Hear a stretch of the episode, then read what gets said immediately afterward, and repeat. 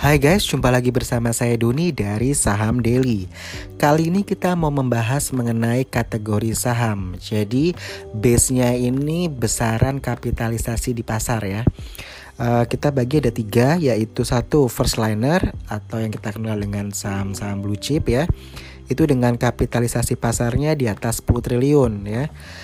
Uh, di mana first liner ini biasanya likuiditasnya lebih tinggi kinerja dan nilai kapitalisasi pasarnya yang terbesar ya. Lalu untuk yang kategori kedua yaitu second liner. Saham-saham yang kapitalisasi pasarnya antara 500 miliar hingga 10 triliun. Yang ketiga adalah third liner ya, saham-saham yang kapitalisasi pasarnya di bawah 500 miliar. Lalu yang menjadi pertanyaan apakah uh, indeks LQ45 ya. Semua saham yang masuk di LQ45 itu otomatis merupakan saham-saham first liner atau saham-saham blue chip. Tentu tidak ya. Kalau teman-teman lihat bahwa uh, di LQ45 itu juga ada saham-saham second liner yang masuk ke situ ya. Jadi tidak melulu bahwa harus yang uh, kalau yang di LQ45 pasti first liner tidak ya. Ini teman-teman lihat lagi dasar kapitalisasinya ya. Uh, lalu yang perlu kita garis bawahi adalah untuk yang third liner. Di mana kalau third liner ini biasanya kinerjanya kurang stabil ya dan kerap tidak liquid begitu dan nilainya karena nilai kapitalisasinya relatif lebih kecil gitu ya.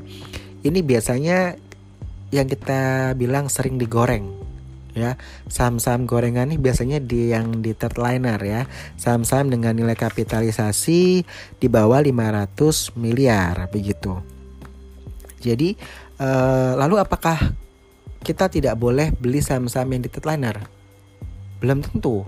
Karena tidak semua saham-saham second liner maupun third liner itu buruk. Ya kalau kita pelajari yang uh, growth investing ya yang uh, kita invest terhadap perusahaan-perusahaan lagi bertumbuh yang masih baru dan kinerjanya bagus ya kita bisa masuk di situ. Ya kan? Yang penting dasarnya bahwa uh, fundamentalnya bagus. Uh, maka dari itu kita harus mempelajari laporan keuangannya baik laporan keuangan kuartalan maupun laporan keuangan tahunan. Kita pelajari fundamentalnya dulu begitu. Jadi jangan asal masuk begitu ya growth growth growth tapi lihat dulu uh, dari pendapatan dari uh, laba ruginya lalu dari modalnya lalu dari cash flow operationalnya seperti apa. Nah itu kita lihat dulu begitu ya tingkat hutangnya seperti apa begitu ya. Kita pelajari. It's okay gitu ya butuh waktu tapi lebih baik Anda melakukan research atau analisa dibandingkan Anda masuk hanya uh, membeli saham hanya karena omongan orang atau dari grup WA, dari ya pokoknya hanya dengar omongan orang lah istilahnya. Ikut-ikutan lah gitu. Tapi anda tidak melakukan PR anda di mana anda harusnya melakukan yang namanya analisa. Begitu ya. Anda memperoleh data lalu anda analisa anda buat trading plannya baru anda sesuaikan kapan saya masuk eh, kapan saya entry kapan saya harus keluar. Begitu. Jadi saya rasa itu standarnya harus begitu ya. Jangan jangan uh, hanya karena ikut-ikutan teman ikut-ikutan grup gitu ya. Mau grup WA maupun grup Telegram. Tapi anda tidak melakukan PR anda sendiri. Nanti kalau anda nyangkut yang dimarah yang uh, grup-grup itu. Jadi better uh, boleh anda mengikuti uh, saran atau rekomendasi tapi anda juga cross check lagi.